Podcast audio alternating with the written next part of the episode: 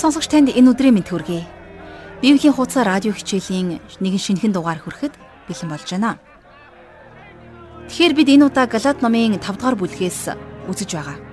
Өнөөдрийн тухайд бид 5 дугаар бүлгийнхээ 5 дугаар ишлэлээс 15 дугаар ишлэлийг дуустал уншиж судлах болно. Тэгэхээр бурхан биднийг хуулийг хэр сайн сахин дагдагвэ гэдгээр нь биш. Харин аврагч Есүс Христэд итгэсэн эсхийг мань хардаг болохыг энэ ном бидэнд дахин дахин сануулж байна. Тэр бидэнд өөрийнх нь нэгүслийн дагуу Христ дотор эрх чөлөөтэй амьдрахыг хүсдэг. Бид хүмүүсийн гаргасан хууль юм уу эсвэл ямар нэгэн дэг жаягийг дагснараа Бурхны нэгүслээс таслагдж а тэгээд зогсохгүй аврагдахгүй маа гэдгийг Паул энэ номоор дамжуулан онцлон хэлж байна. Өнөөдрийн хичээлээр тэрээр итгэлээр аврагдж ариун сүнсээр алхах нь ямар чухал болохыг бидэнд хэлэх болно. Тэгэхээр хичээлтэй холбоотой асууж, лавлах, магадгүй гэрчилж хуваалцах зүйл байвал нэвтрүүлгийн төгсгөл хэлэх имэйл хаягаар дамжуулан бидэнтэй заавал холбогдорой. Ингээд хамтдаа залбирцгаая. Орчлон хорвоог оргийн хоосноос бүтээсэн бүтээгч эзэн минь таньда талархан залбирч байна. Бид энэ цаг мөчийг таньда даатхан өргөж байна. Та ариун сүнсээрээ дамжуулан бидний зүрх сэтгэлд хүрч үгээ хэлээч. Үгийнтэй өмнө бид зүрх сэтгэлээ нээн ирж байна. Танд хүнийг болгонд зориулсан онцгой үг байдаг учраас ава та тэрхүү үгээ өнөөдрийн хичээлээр дамжуулан та бидэнд хэлээч. Амар тайван хэрэгтэй нэгэнд нь та гарцыг, мэрэгэн ухаан хэрэгтэй нэгэнд нь хүч урам зоригийг, төвчээр хэрэгтэй байгаа нэгэнд нь та өөрийнхөө урам зоригийн үгээ та хэлээч гэж гуйж байна. Та ариун сүнсээрээ бидэнд үгээ хэлээрэй. Та бидний бодол оюунд, бидний сүнс, бидний зүрх сэтгэлтэй хамт яриач гэж гуйж байна. Энэ цагийг таны ариун сүнсний мотор даатгаж эзэн Есүсийн нэрээр залбирanгуйлаа. Амен. Ингээд хамтдаа жаргал ах шиг хичээлд анхаарлаа хандуулцгаая. За зарим хүмүүс Христ итгэлт хүний амьдралаар амьдрах үнэхээр боломжгүй гэж үздэг. Харин эзэн Есүс Христ биднийг өөрт нь итгэж найдан амьдрахыг хүсдэг. Ягд үг гэхээр бид түүний нэгүүлслээр аврагдсан болохоор бас нэгүүлслийн хүчээр амьдрах боломжтой. За энэ тухай Паул өнөөдөр 5 дугаар бүлэг дээр юу гэж үргэлжлүүлэн хэлснийг хамтдаа уншицгаая. За 5 дугаар бүлгийн 5 дугаар ишлэл. Учир нь бид сүнсээр дамжуулан итгэлээр зөвхт байдлын найдварыг хүлээж байна гэж Паул бичиж байна. Тэгэхээр зөвхт байдлын найдвар гэж хэнийг хэлж байна уу гэхээр Есүс Христийг хэлж байна. Энэ нь цор ганц өрөөгдсөн найдвар. Яагад үг гэвэл Христ өөрөө зөвхт нэгэн. Тэм учраас Паул учир нь бид сүнсээр дамжуулан итгэлээрээ зөвхт байдлын найдварыг хүлээж байна гэж хэлснээрээ итгэгчид төгс байдалд хараахан хүрээгүй гэдгийг ойлгуулах гэсэн санаа байна. За миний харж байгаагаар хамгийн төгс бус байдал бол хүн өөрийгөө төгс болсон гэж үздэгт оршиж байгаа. Үнэн хэрэгтээ өөрийгөө төгс болсон гэж үздэг тэдгэр хүмүүс төгс бус биднээс ялгагдах юмгүй яг адилхан гим нүгэлтэй байдаг. За энэ тухай Паул үргэлжлүүлээ 6 дугаар эшлэл дээр Христ Есүс дотор хөвч хөндүүлэх ба хөвч хөндүүлэхгүй аль аль нь ямар ч ашиг тусгүй. Харин хайраар дамжуулан ажиллаж буй итгэлэл чухал юм а гэж бичсэн байна. Тэгэхээр мэдээж та бид нар ямарваа нэгэн хууль журам сагснараа Христ итгэлт амьдралаар амьдрчихгүй. Тэгвэл ийм амьдралаар амьдрах цорын ганц хэрнээ маш энгийн жор байдгийг сая бид мэдж авлаа. Энэ бол хайраар дамжуулан ажилдаг итгэл байх нь. Энэ л Христ итгэлтнүүдийн амьдрах ёстой амьдрал. Харин энэхүү итгэл хайраар ажилдгаа гэдгийг санаарай. Яагад үг гэвэл хайр бол Бурхны зариун сүнсний үр жимс юм. Тэгэхээр энийг ойлгохгүйгээр бид нэр төөрөлдөх аюултай. Тэм учраас Паул Галатчуудыг ингэж их зөөлнөр зэмлсэн байна. 7 дугаар ишлэл. Та нар сайн гүйж байсан. Хин та нарыг үгэнд дуулууртай байхад чинь саад болсон юм бэ? Юудын хуурамч сургаал заагчдыг ирэхээс өмнө галаадчууд итгэлийн амьдралаар их сайн амьдарч байсан байна. Тэгэхээр Паулийн энд дурдсан үнэн гэж байгаа зүйл бол мэдээж сайн мэдээ буюу Есүс Христийг хэлж байна. За үргэлжлүүлээд 8 дугаар ишлэлдэр Паул та нарыг дууддаг түүнээс энэ үзэл бодол ирээгүй гэж. Тэгэхээр биднэрт нэгүслийг өгсөн Христэс биш харин хуурамч сургаал номлогчдын үгэнд орж байгааг Есүсээс биш өөр их сурвалжаас гаралтай гэдгийг нь Паул Галатчуудад ингэж сануулсан байна. Хуурамч худал зүйлс жинхэнэ итгэлийг хэрхэн үгүй хийдэг талаар Паул цааш нь үргэлжлүүлээд 9 дугаар ишлэлдэр өчүүхэн хөрөнгө зуурсан гурилыг бүхэлд нь эсэгдэгэ гэж хэлсэн байна. За тэгэхээр хуучин гэрээний судлалын явцад миний хэлж байсан тайлбарыг та санаж байгаа бах тийм ээ. Тэгэхээр Библиэд хуучин болон шин гэрээний аль алинд нь эсгэгч хөрөнгөөр юуг төлөөлүүлдэг вүлээ? Тийм ээ. Муу зүйлсийг төлөөлдөг шүү дээ. За тэгвэл хуурамч сургаал заагчдын заасан тэрхүү зүйл болвол сайн мэдээ огтхонч бишээ гэдгийг Паул хэлж байна. Хэрвээ та санаж байгаа бол Матай 16-гийн 6 дугаар эшлэлдэр яг энэнтэй адилхан нэг түүх байдаг. Есүс Христ дагалдагчдаа фарисеучүүдийн эсгсэн хөрөнгнөөс болгоомжлохыг сануулж байдаг. Өнөөдөр ч гэсэн энэ бидэнд маш их хамаатай. Бид нар бүгдээр аливаа дүрм ёс жаяг мэдтийн хөрөнгнөөс болгоомжлох учиртай. Есүс Христийг 2000 жилийн өмнө бидний авралын төлөө загалмай дээр цовдлогдсон нас барсан ч түүний аврал төгс биш. Дутуу үлдээсэн зүйл өнөөдөр байгаа гэж хуурамч сургаал номлогчид ярьцгаадаг. Тэм учраас бид нар усан баптизм хийх эсвэл энэ төр ёс жаягийг гүйцээснээр дутууг гүйцээж болно гэж тэд нар номлодог. Тэгэхээр бид нар Христийг хүлээн авсан тэр цагаас л эхлэн бүгдийг хүлээж авсан гэдгээ ойлгох хэрэгтэй. Аврагцнаас хойш би олон зүйл дээр туршлагдсан хэдий ч гэсэн миний аврал дээр юу ч нэмэгдэхгүй. Яагад үг гэвэл бидний авралыг төгс болгосон тэр нэгэн бол зөвхөн Есүс Христ. Есүс нэгэн удаа сургаал айлдаж байхдаа сайн мэдээг хөрөнгөөр эсгэн зуурсан гурилтай зөөрлөдөг. За өөрөөр хэлэх юм бол хөрөнгө сайн мэдээний дотор байдгаа гэсэн үг.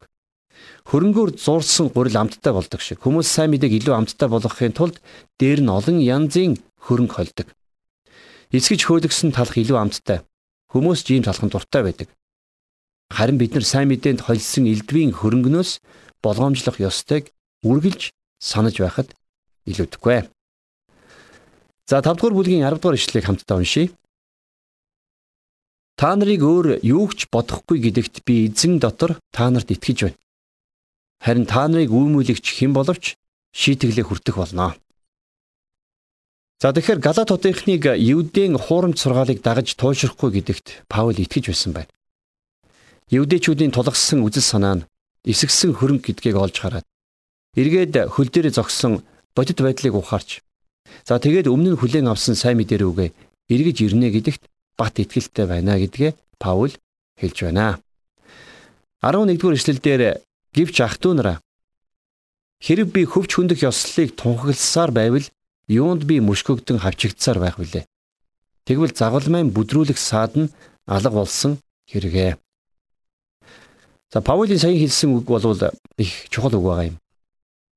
Хэрвээ Паул хөвчөндүүлэх тухай заадаг байсан бол евдээчүүд Паулийг ингэж хавчихгүй байсан гэдгийг Паул хэлж байна. Тэдний хувьд сайн мэдэн дээр өөрсдийн дураар ямарваа нэгэн юм нэмж хачирлах гээд байсан. Харин сайн мэдэн дангаараа бол байж болохгүй юм байх. Хэрвээ сайн мэдэн дээр юм нэмж хачирлсан бол Паул ингэж хавчигдахгүй байх байсан гэж хэлж байна, тийм ээ.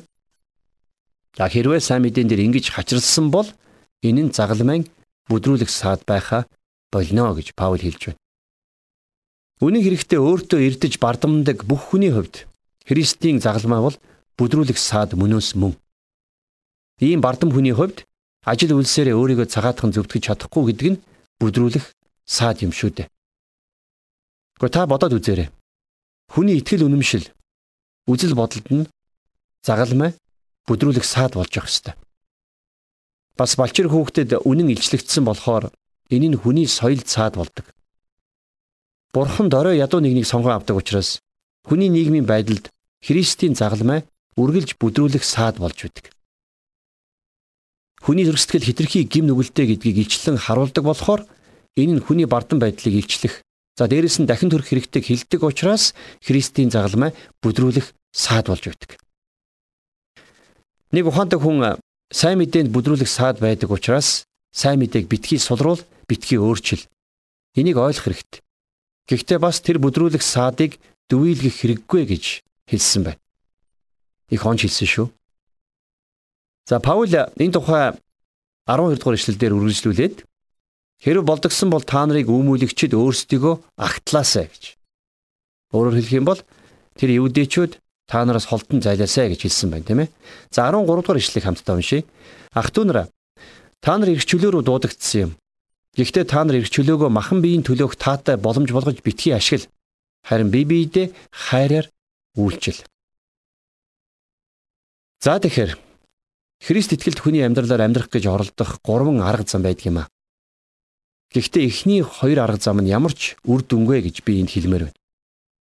За шулуухан хэлэхэд эхний хоёр арга зам болвол хууль, ёс жаягийг дагах. Паул энийг маш хүчтэй шүүмжилж байгаа биз? За бас гим нүгэл үйлдэхийн хажуугаар Христ итгэгч амьдралаар амьдрна гэдэг байж болохгүй гэдгийг Паул энд онцолж байна, тийм ээ. Харин Христ итгэлт хүний амьдрах ёстой 3 дахь амьдрал бол эрх чөлөөт амьдрал. Тэгэхээр энэ номын сүүлийн бүлэг дээр хэрхэн эрх чөлөөт амьдралаар амьдрах тухай Паул бичсэн байдаг. Хууль журам сахих амьдрал зөвхөн 10 тушаал багтдаг юм биш.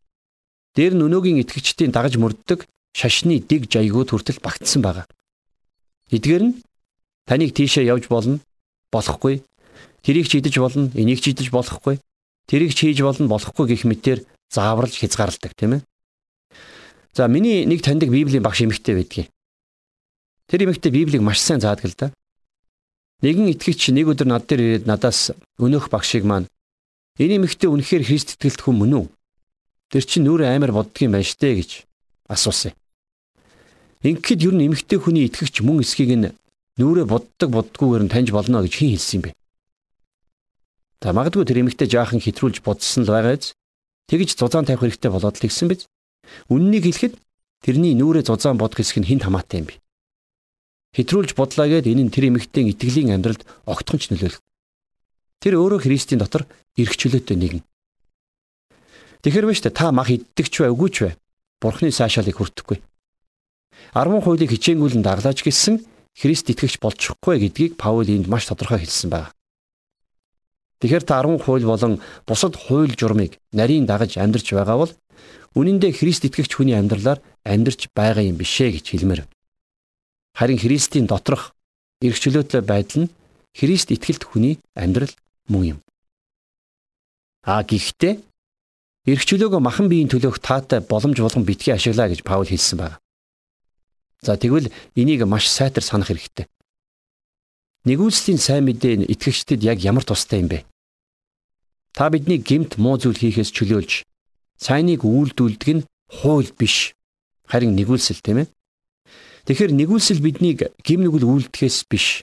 Харин нүглээс чөлөөс. Бурхны хүү Есүс Христ өөрөө эцгийнхээ таалагдах зүйлийг үйлдсэн болохоор итгэгч хүн болгон Бурхан таалагдах зүйлийг хийх хүсэлттэй байх ёстой. Айж мэддэг хүндээ таалагдах, эсвэл эзнийхээ тааллыг олох гэж оролдох зарц шиг биш. Харин Бурхан бидэнд хайртай учраас л бид түүнд таалагдахыг хүсэх тийм хүн чанараар амьдрах хэрэгтэй. Бид нэр Христэд хайртай болохоор Бурханд үйлжилдэг. Энэ тухай Есүс хэрвээ та нар надад хайртай бол миний тушаалуудыг дагнаа гэж хэлсэн байдаг тийм ээ. Тэгэхээр энэхүү дуулууртай байдлын гол үндэс түүнийг хайрлах харилцаанаас үүддэг юм а. Тийм учраас Бурхан бидний ийм харилцааны үндсэн дээрээс өөрт нь үйлчлээсэ гэж хүсэж байдаг. За 14 дугаар эшлэл. Учир нь хууль бүхэлдээ нэг үгэнд л багтдаг юм. Энэ нь чи хөршөө өөрийн адил хайрл гэсэн нь мөн. Паул хуулийг энд хамгийн доод түвшинд аваачж байгаа. Өнөөдрийн нийгэмд хүмүүс өөрийнхөө төлөө амьдардаг болсон. Тэрвээ тухай ихэнх шашнууд өөрийнхөө төлөө өөрийнхөө гэгэрлийг олж авахыг сурган номлож байна. Харин Христ итгэлийн гол үндэс юу вэ гэхлээр хүмүүс Христ өөрийнх нь төлөө нас гарч дахин амьдсан учраас өөрийнх нь төлөө биш харин өрөөлийн төлөө амьдрах гайхамшигтай хувь тавиланг Бурханаас хүлээж авдаг. Энэгээр Христ итгэл за прагматик талаараа бусад шашнуудаас давуу гэж би хэлмээр байна. Чи хөршөө өөрийн адил хайрлаа гэж Библиэд хэлсэн байдаг. Ердөө л ганцхан үг. Энэ нь хайр. Тэгэхээр Христ итгэлийг хайр гэдэг ганц үгээр төлөөлөж болохоор байна. Харин хайрын эсрэг зүйлийг хийх юм бол юу болох талаар Паул 15 дугаар эшлэлдэр ингэж сануулсан байна. Хэрв та нар нэг нэгнээ зуудаг, цөлмдөг бол та нар бие биенээ хөнөөх вий гэж болгоомжлох тоон. За харамсалтай нь өнөөдөр олон чуулганд хүмүүс нэг нэгнийг хайрлахын оронд галзуу нохоо шиг бие биенээ химлэн зуудаг болжээ. Энэ бол сүнсээр биш харин махан биеэрээ амьдарч байгаагийн шинж тэмдэг. Үнэхээр муухай. Бид нар итгэгч гэж чуулганд нэгдэчихэд Бурхны хүслийн дотор алхахгүй бол өөрийгөө итгэгч гэж хэлж ярьж явах ямар ч шаардлагагүй болно. Ингээд Галаад номынхон судлалыг дараагийн дугаараар үргэлжлүүлэн үздэцгээе.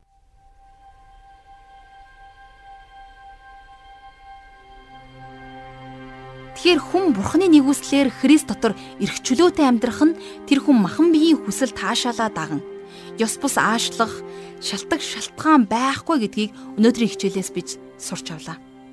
Энэ тухай Паул үнэхээр тов тодорхой хэлсэн. Бид Христэд итгэгч амьдралаар амьдрах гэж оролдох хэрнэ. Христийн миний төлөө хийсэн бүхнийг үгүйсгэн нураах. Мөн Бурхны нэгүслээс бид өөрсдийгөө холдуулах ямар нэгэн үйлдэл хийж байгаа эсэх. А магадгүй амьдралдаа гим нүглийн үрийг тарьж байгаа эсгээ эргэн харж өөртөө дүгнэлт хийх цаг хэдийн болж. Бас хуулийн туйлын зорилго бол нэг нэгний хайрлах гэдгийг ч ухаарч өөрийгөө ч тэр дэрэгдэх хүнээч тэр үнэхээр хайрлж байна уу үгүй юу гэдгээ эргэн харах цаг хэдийн болж. Тэгэхээр үннээр өөрсдийнхөө итгэлийг шүүхэд буруу зүйл юу яах вэ? Тэгэхээр яг одоо дор бүрнээ Христийг чин сэтгэлээсээ дуулууртай дагж байна уу Бурхны хаанчлалын ажлын төлөө санаа тавьдаг? Гим нүгэл хийгээд ертөнцийн юмсын төлөө тууштай бас зоригтойгоор эсэргүүцэж чадж байгаа билүү гэдгээ тунгаан бодцгоё. Библи бидэнд итгэлээр дамжуулан аврагдах болно гэдгийг хэлдэг шүү дээ. Энэ хүрээд өнөөдрийн хичээл маань өндөрлөж байна. Сонсон суралцсан болгохныхоо төлөө бурханд талархаж, хэрэгжүүлэх тэрхүү боломж ивэлийн төлөө залбирanгуйцгаая. Бурхан эзэн минь Биднийг хайртай хүүгийнхээ цусаар золин авч аварсан таньда талархаж байна. Энэ цагт бид таны өмнө магтаалтайгаар ирж байна. Та бол уучлан нэгүсгэж бурхан. Та бол агуу эзэн. Та бол инэрэн өршөөгч бурхан. Та бол орчлон хорвоог бүтээгч гайхамшигтай эзэн. Их эзэн минь ээ энэ орчлон ертөнцийг хүмүүс бидний төлөө бүтээгээ зогсохгүй. Биднийг хайрлан энерхийн төлөө хайртай хүүгээ явуулсан. Тийм ээ яг одоо бид таны өмнө ирж байна. Хэрвээ бидний амь амьдралд гим нүгэл таны нэгүслээс намайг холдуулагч альва ямар нэгэн буруу зүйл байгаа бол би тэдгээр зүйлсүүдийг илчлэн харахыг тэрл сүнсний нүдийг нээж өгөөч гэж гуйж байна.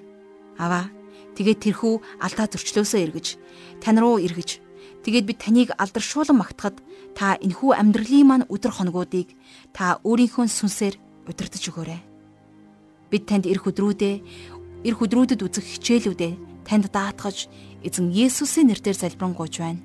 Амен.